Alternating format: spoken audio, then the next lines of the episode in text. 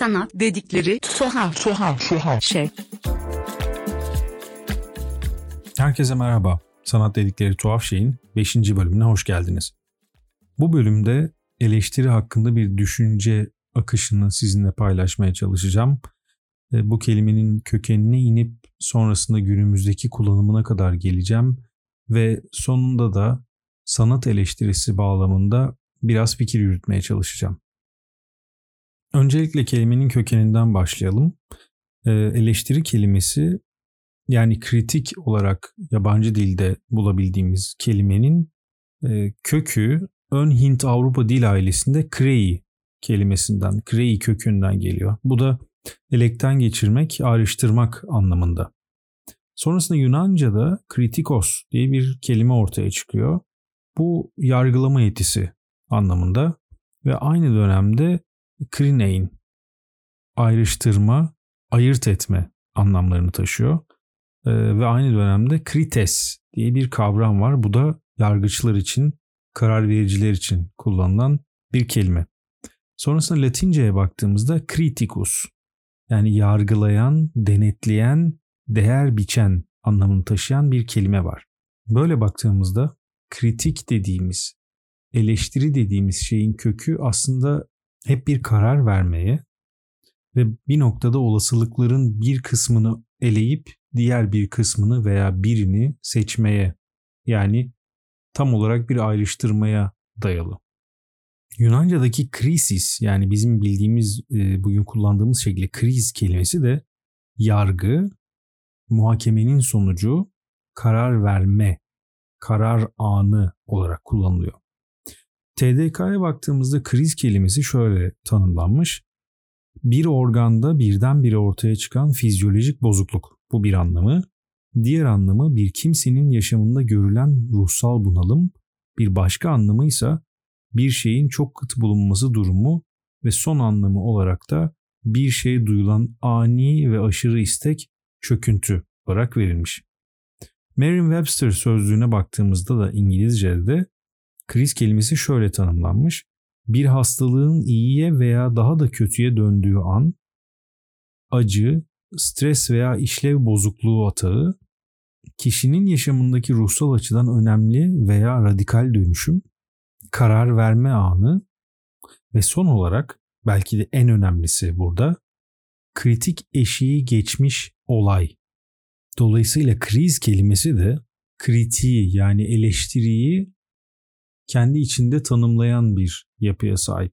Tabii ki eleştiri dediğimiz şeyi, kritik dediğimiz şeyi burada o yol ayrımı olarak düşünürsek e, krizin de bu kritik eşiği geçmiş bir olay olarak tanımlanması oldukça bağlantılı ve mantıklı gözüküyor. Şimdi gelelim bunun tarihsel bağlamda nasıl okunabileceğini. Bildiğimiz gibi Platon aslında Sokrates'in söylediklerini yazıyordu ve e, Sokrates'in kendi yazdığı bu anlamda hiçbir eser yok. Hepsi Platon tarafından yazılmış şeyler. Bugün bunların üç tanesinden birazcık bahsedeceğim. Anlattıkları tarih sırasıyla bakacak olursak bunlar birincisi Euthyphron, ikincisi Sokrates'in savunması ve üçüncüsü de Kriton. Bu üç eserin önemli olmasının temel nedeni Sokrates'in yargılanmasından ölümüne kadarki süreyi anlatmaları ve tamamının aslında bir e, eleştiri yöntemi bize sunabilmesidir. Şimdi Euthyphron'a bakacak olursak Euthyphron Sokrates'in savunmasının öncesini anlatan e, henüz o savunmaya Sokrates girmemişken Euthyphron'la oluşturduğu, kurduğu diyaloğu anlatan bir e, eser. Ve buradaki diyaloğun temeli de din üzerinden gidiyor. Örneğin bu eserin içindeki en önemli eleştirel sorulardan bir tanesi şu. Ahlaki davranışlar Tanrı tarafından emredildiği için mi ahlakidir yoksa ahlaki olduğu için mi Tanrı tarafından emredilmiştir? Bu durum zaten aynı zamanda Euthyphron ikilemi olarak da bilinen ve üzerinde sonrasında uzun süre tartışılan hala da belli noktalarda tartışıldığını düşündüğüm konulardan bir tanesi.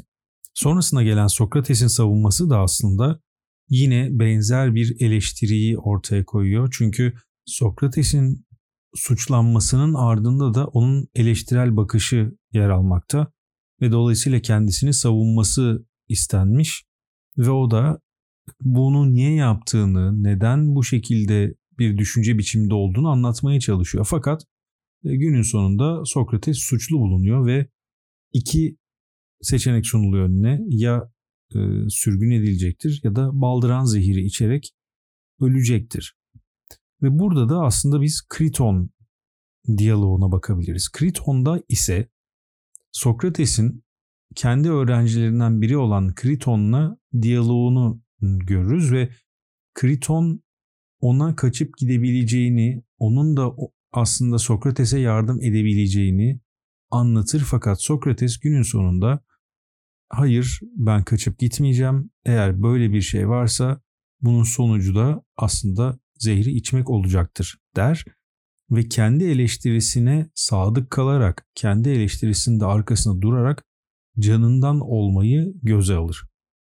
Baktığımızda işte bu eleştiri mantığının arkasındaki temel fikirlerden bir tanesi de yani bugün eleştiriyi tartışırken, konuşurken kullandığımız argümanlardan bir tanesi de ya da istediğimiz şeylerden bir tanesi de bu olmalı belki.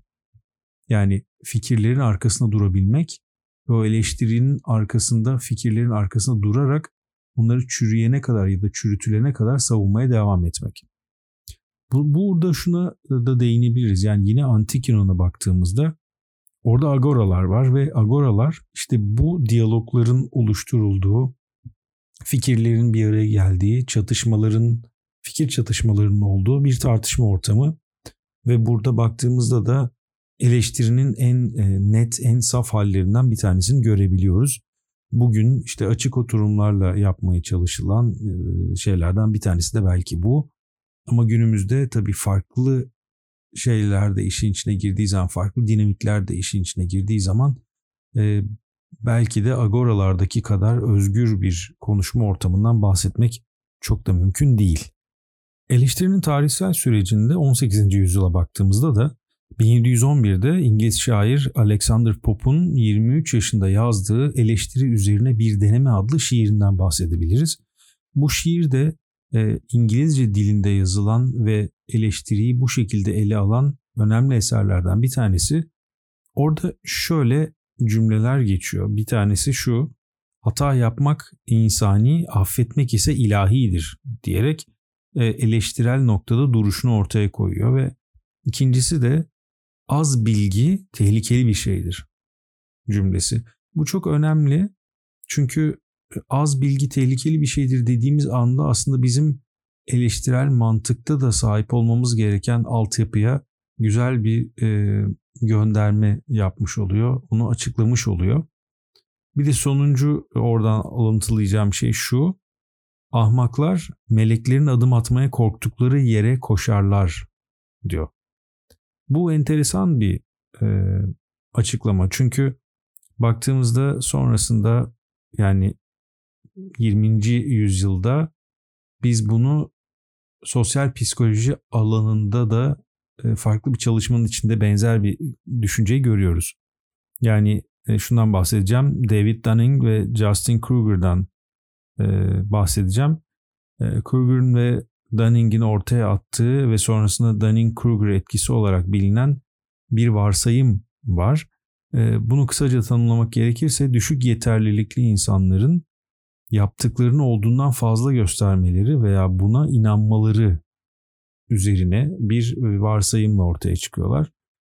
Ve ikili 1999 yılında niteliksiz ve farkında olamama kişinin kendi yetersizliğini tanımadaki zorluklar nasıl şişirilmiş öz değerlendirmelere yol açıyor adlı bir çalışma yayınlıyorlar. Ve bu çalışma aslında bu e, Dunning-Kruger efekti olarak, etkisi olarak bildiğimiz şeyin de temellerinden bir tanesi. Ama e, David Dunning öz içgörü, kendini tanımaya giden yolda engeller ve sapmalar adlı kitabında şöyle bir tespit yapıyor. Eğer yetersizseniz yetersiz olduğunuzu bilemezsiniz. Doğru bir yanıt üretmek için ihtiyacınız olan yetenekler doğru cevabın ne olduğunu tam olarak anlamanız için ihtiyacınız olan yeteneklerdir diye yazıyor.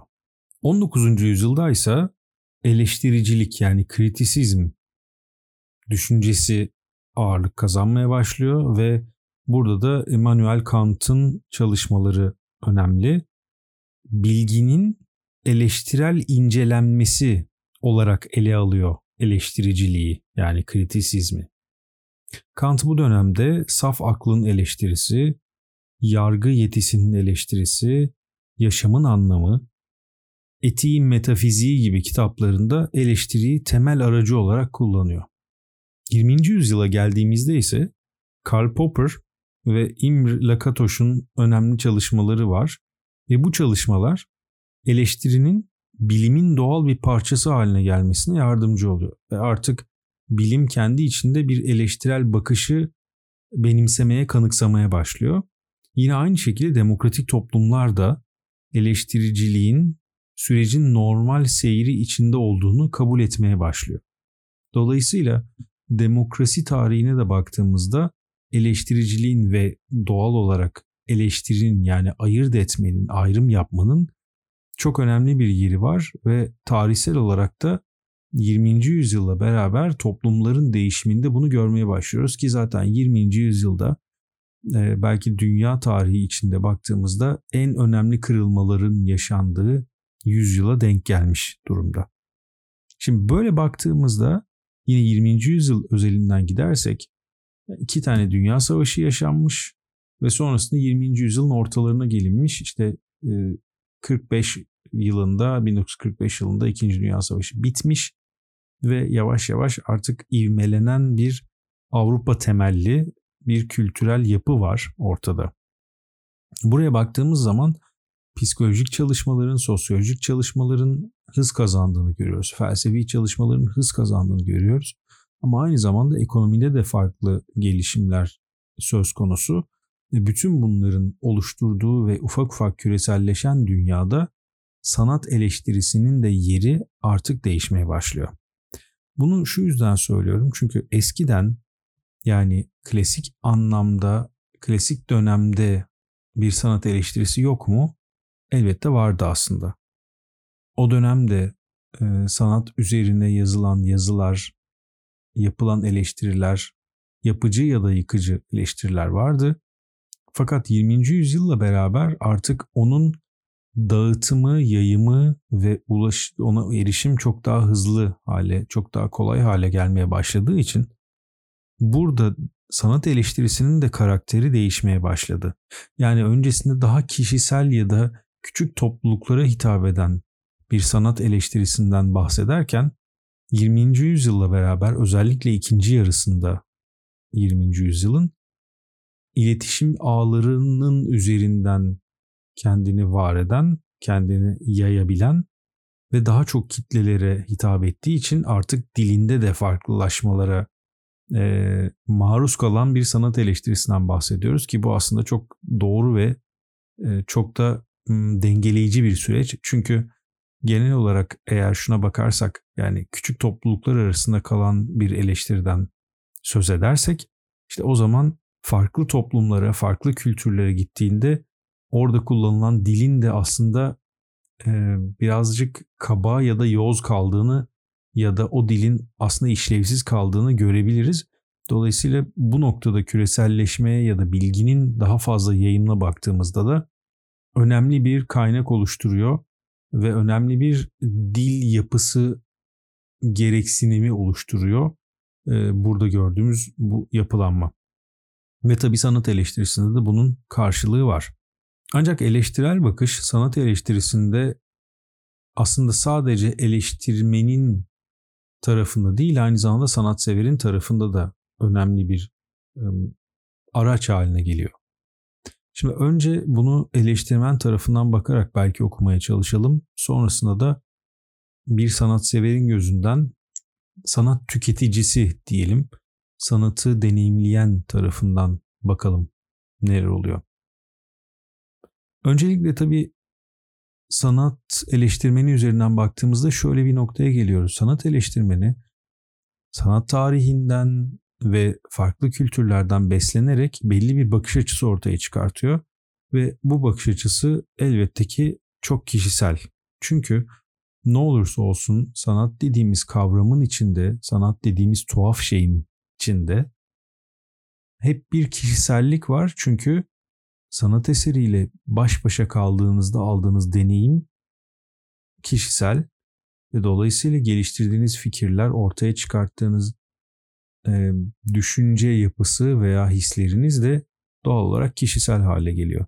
Tabii ki bu hislerin ya da bu fikirlerin ortaklıklar kurduğu alanlar da var.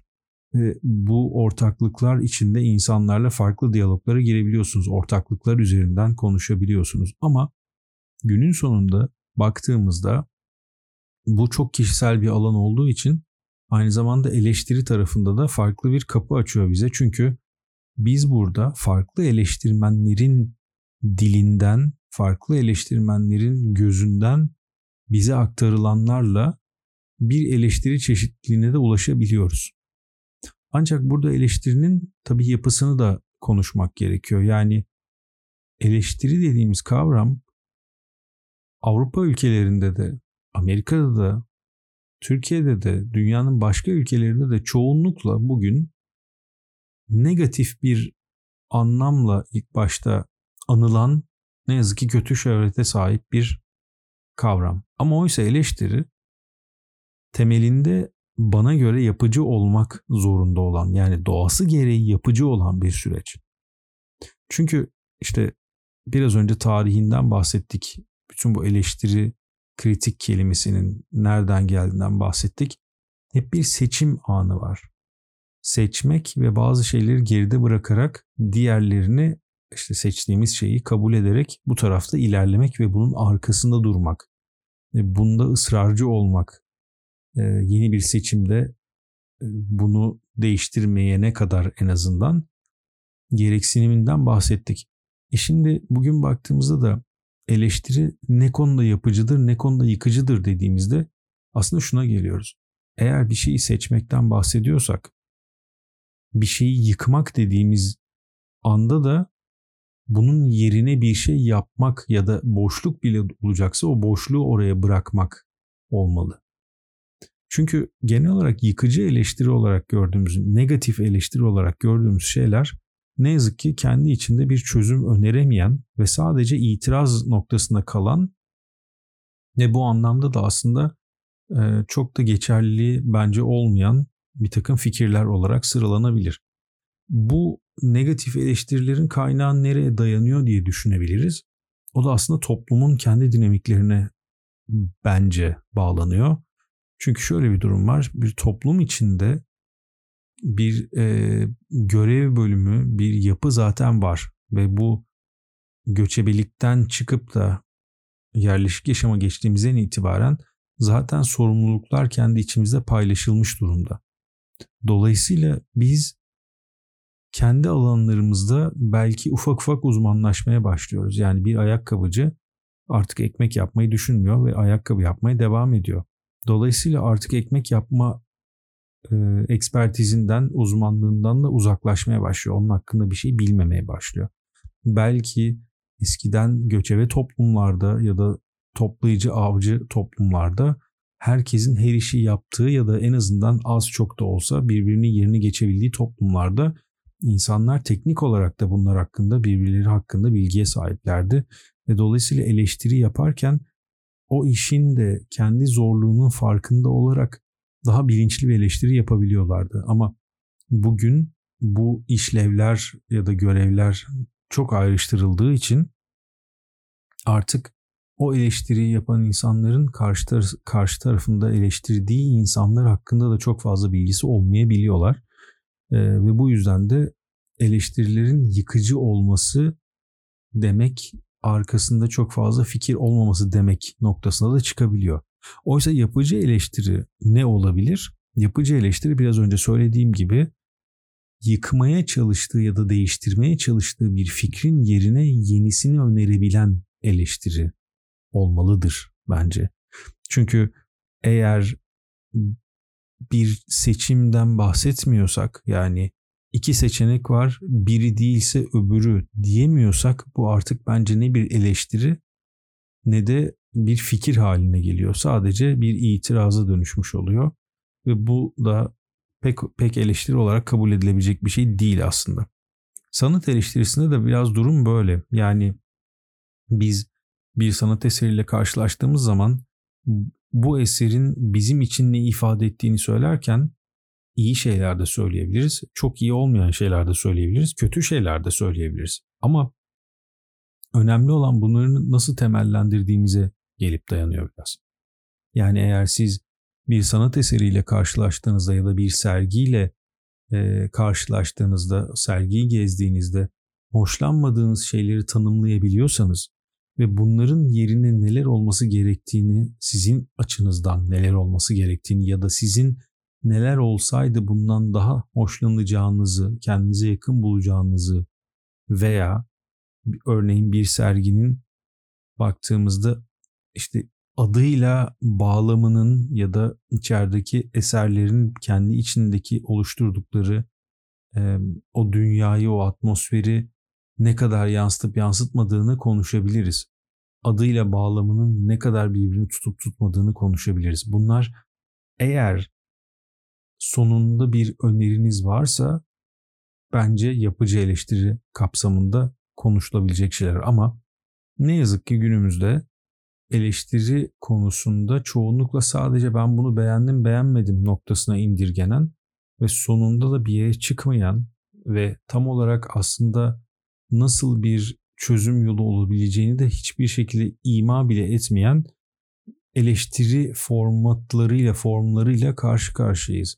Bu da ister istemez toplumu nasıl sorgulayacağımız, nasıl anlamaya çalışacağımızla bağlantılı bir durum. Çünkü özellikle 21. yüzyılla yani internetin yaygınlaştığı zamanla beraber yani 2000'lerden sonra başlayan süreçte 2000 ve sonrasındaki süreçte özellikle sosyal medya gibi sosyal medya ağları gibi bir takım yapılar içinde bize sunulan seçenekler çoğunlukla bir şeyi beğenmek ya da beğenmemek üzerine oluyor ve hızlı reaksiyonlar veriyoruz. Bu kültürel olarak da bu geçtiğimiz 20 yıl içinde, 21 yıl içinde bence hepimiz üzerinde bir etki yarattı. Ve ufak ufak artık neyi neden sevdiğimizi ya da neden sevmediğimizi temellendirmek yerine sadece seviyorum ya da sevmiyorum diyerek bu işin içinden çıkmaya başlıyoruz. Yani dünya genelinde de böyle olduğuna dair bir inancım var. Ee, bunun da tabii temelinde böyle kültürel kodlar bulmak çok da zor değil. Ve böyle olduğu için de eskiden yapılan eleştirilerin yani sanatsal eleştiri için de söyleyebiliriz bunu. E, farklı eleştiriler için de söyleyebiliriz. Yani akademik ve bilimsel taraftan değil ama gündelik yaşamdaki taraftan bakarak söylüyorum bunu. Çünkü akademik ve bilimsel tarafta çok daha belli kurallar ve e, kuramsal bir zemin olduğu için oradan belki sapmalar çok büyük olmayacaktır. Elbette bir noktada sapma olacaksa bile çok büyük bir sapma olacağını tahmin etmiyorum gündelik yaşama göre. Çünkü gündelik yaşamda kurallar çok daha gevşek ve e, sınırlar çok daha muğlak. Dolayısıyla burada sapmaları çok daha hızlı olabiliyor. E, ve böyle baktığımız zaman gündelik yaşamdaki eleştirinin o dille beraber çok hızlı değişebileceği ortaya çıkıyor. Biz eskiden eğer bir sanat eleştirisi adına bize sunulan şeylerde beğenilmeyen şeylerin yerine bir şeyler görüyorduysak bugün ondan neden uzaklaştık diye baktığımızda tabii ki burada sadece sosyal medya üzerinden gidemeyiz ama aynı zamanda işte algı kapasitelerimiz, ne kadar bilgiye ulaştığımız gibi sorular da var ki eleştirinin bence burada önemli olan temellerinden bir tanesi her zaman için bunun hangi bilgi düzeyiyle yürüdüğü durumu. Yani Yine Agora'ya dönecek olursak, Antik Yunan'a dönecek olursak, oradaki insanlar bir konu hakkında tartışırlarken belli bir bilgi birikimiyle bunu yapıyorlar ki e, o diyaloglar ortaya çıkıyor ve soru cevap şeklinde ilerleyebiliyor. Günümüzde benim burada eleştirdiğim e, ve yetersiz bularak eleştirdiğim eleştirme biçimi de zaten burada devreye giriyor. Çünkü artık 2-3 sorunun ötesine gidemeyen ve derinleşemeyen eleştiri durumlarıyla, eleştiri kalıplarıyla artık neredeyse karşılaşır hale geldik. Yani sorduğunuz bir sorunun cevabını almak yerine sadece beğeniyorum ya da beğenmiyorum. Çünkü beğendim, çünkü beğenmedim. Cevaplarını aldığınız bir duruma doğru gidiyoruz. Tabii ki bu sanat eleştirisinde bizim için biraz vahim bir tablo da çiziyor. Çünkü sanat eleştirmeni ya da eleştiren, sanat eleştirmeni demeyelim, sanat deneyimleyeninin e, deneyim notları diyelim buna belki bir sanat eleştirisi demek dışına çıkarak ne yapabiliriz diye düşünerek bunu söyledim. Ama eğer sanat eleştirmeni üzerinden gidiyorsa da sanatsever o eleştirmenin yazısını okuduğunda şöyle düşünecektir. Evet, burada bu konu hakkında kafa yormuş ve belli bilgi birikimine sahip bir insanın görüşlerini okuyorum ya da dinliyorum. Ama öbür yandan eğer o sanat eleştirmeni gerçekten sığ sularda yüzüyorduysa ve arkasında çok fazla fikir yok. Sadece beğendim beğenmedim deyip geçeceği bir e, şey ortaya çıkarttıysa o zaman sanatseveri de o sanatı deneyimleyen insanı da etkileyecektir ve bir noktada kültürün de e, gidişatında farklı bir yön ortaya çıkartacaktır. Dolayısıyla yine e, kritik kelimesinin kökenine indiğimiz zaman doğru yapılmayan kritik yani kritik olan hani hassas anlamındaki kritikten bahsediyorum. Kritik olan şey yapılamadığında o eşik geçildiğinde bunun bir krize dönüşmesi de kaçınılmaz hale geliyor. Bugün o yol ayrımının neresindeyiz? Bugün kritik ve kriz arasında hangi noktadayız? Bunları belirlememiz gerekiyor. Sanat eleştirisindeki temel nokta da zaten bir eleştirmenin kimliği ve durduğu yer. İkincisi de sanatseverin kimliği ve onun durduğu yer. Çünkü yine antik Yunan'daki o diyaloglara dönecek olursak şuraya çıkıyoruz. Burada biz temelde eleştirmenin sanatçıyla, sanat kurumlarıyla ya da sanat eseriyle olan diyaloğunu bir tarafa koyuyoruz. Öteki tarafta da yine eleştirmenin bu defa sanatseverle, deneyimleyen insanla olan diyaloğunu ortaya koyuyoruz. Tabii ki bu ikincisi yani sanatsever ve e, sanat eleştirmen arasındaki diyalog çok interaktif, çok etkileşimli olmuyor çoğunlukla. Çünkü eleştirmen bir şey ortaya koyuyor, bir yazı yazıyor, bir şey söylüyor. Benim şu anda burada yaptığım gibi belli ses kayıtları yapıyor belki ve bunu bitmiş bir eleştiri metni olarak, bitmiş bir eleştiri formu olarak bırakıyor ve sanatsever, deneyimleyen de onu oradan okuyor, dinliyor ve dolayısıyla tek taraflı bir tür e, monolog gibi ilerleyen bir süreç var. Ama ne olursa olsun sonuçta sanatseverle eleştirmen arasında oluşan bir diyalog başlıyor. Bu dediğim gibi etkileşim içinde olmasa bile en azından o anlamıyla. Ve burada eleştirmen ister istemez sanat deneyimleyen insanı, sanat-severi biraz etkilemeye de başlıyor. Ve kültürü de bu noktada yönlendiriyor. Ama aynı zamanda eleştirmenin kurumlarla ya da sanatçılarla ya da galerilerle, müzelerle olan diyaloğu da aynı şekilde eleştirmenin eğer bu noktada bir kanaat önderi olarak düşünürsek ki bence ideal olan modelde eleştirmen bir kanaat önderi olmalıdır ya da en azından kanaat önderi olarak algılanmaya yaklaşmalıdır. Ama e, bunun da kriterlerini asla bilemiyoruz. Çünkü herkes sanat eleştirmeni olabilir aslında teoride. Ama bunun da belli yeterlilikleri e, ortaya konabilir. Ve fakat bu yeterlilikler ortaya konulursa eğer böyle bir çalışma yapılmaya çalışılırsa da belki e, bu konuda belirlenen kriterleri dışında da iyi sanat eleştirisi yapabilecek insanları elemiş olabiliriz. Dolayısıyla da bu çok muğlak bir zemin ortaya koyuyor ve tam olarak çok sağlıklı sonuç verebilecek bir kriter sistemi de olmadığı için herkes sanat eleştirmeni olabilir ama herkes sanat eleştirmeni olamaz gibi bir paradoksun içine çıkmış oluyoruz. Ee, şuradan dönelim konuya. sanat eleştirmeninin galeriyle, kurumla, müzeyle olan koleksiyoncuyla, e, koleksiyonerle artık nasıl söylersek bunu sanatçıyla olan bağlantısına dönelim.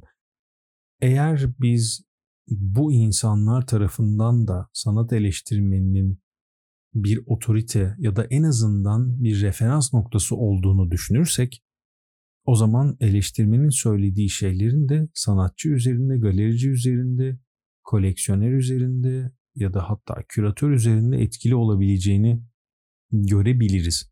Bu aslında şöyle bir sistem eğer sistem olarak bakarsak yani bir tarafta sanatsever var, öbür tarafta galerici var, müze direktörü var, koleksiyoner var, küratör var ve eleştirmen var. Koleksiyoner, küratör, müze müdürü, diğer yani sanatseverin dışındaki herkesin kendi içinde çok fazla bağı var ve birbirleriyle entelektüel bağlar içinde bazen ekonomik bağlar da buna etkileniyor. Bu bağlar içinde bir ortam, sanat ortamı ortaya çıkartıyorlar. İzleyici ise yani sanat severse bu dünyaya balıklama dalan ve onun içinde yüzmeye çalışan, boğulmadan yüzmeye çalışan ama yeri geldiği zaman biraz derinleşen, yeri geldiği zaman da yüzeye çıkan bir yapıda.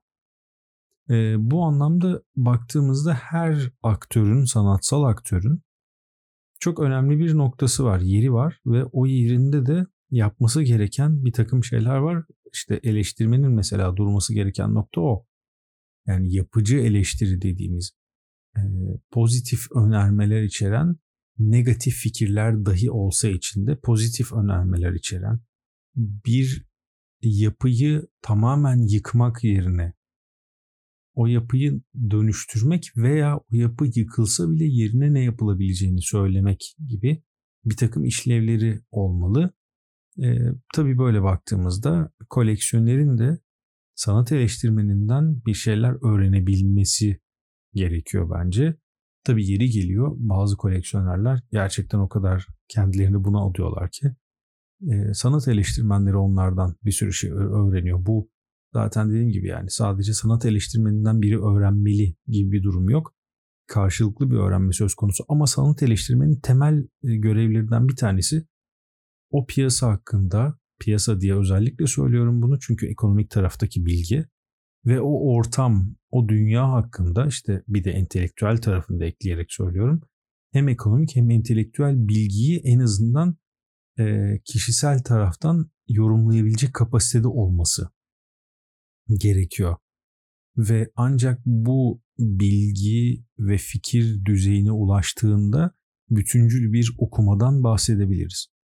Sanat eleştirmenin burada şöyle bir yeri de var. Yani her sanat eleştirmeninden her mecra ile ilgili, her sanat disipliniyle ilgili çok bütüncül bir yaklaşım beklemek de aslında hatalı bir durum olacaktır. Çünkü e, insanlar kendi ilgi alanlarına giren şeyler hakkında doğal olarak daha fazla fikir sahibi olmaya çalışacaklar. Daha fazla bilgi almaya çalışacaklar.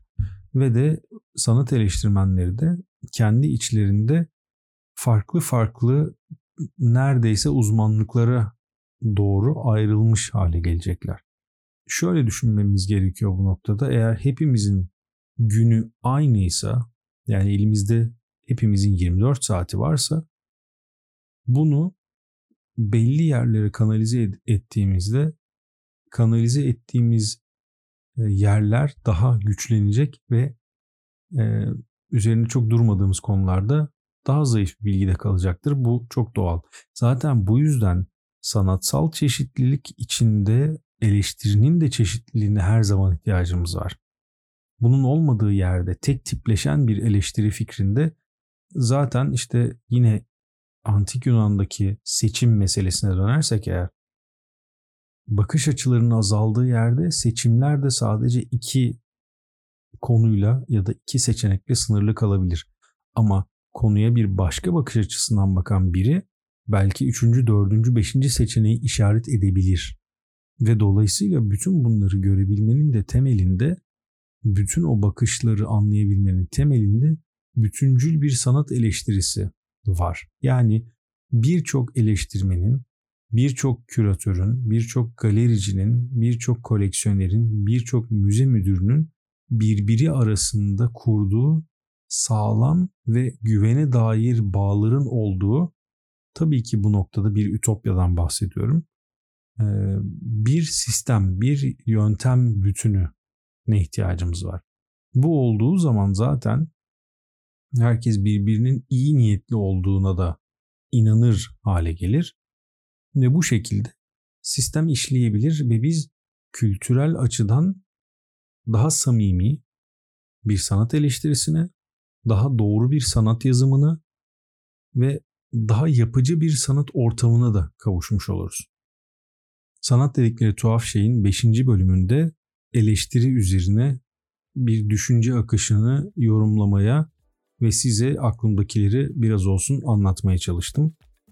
Gelecek hafta yeni programda yeniden görüşmek üzere. Herkese hoşçakalın. Tuhaf, tuhaf, tuhaf, tuhaf, tuhaf.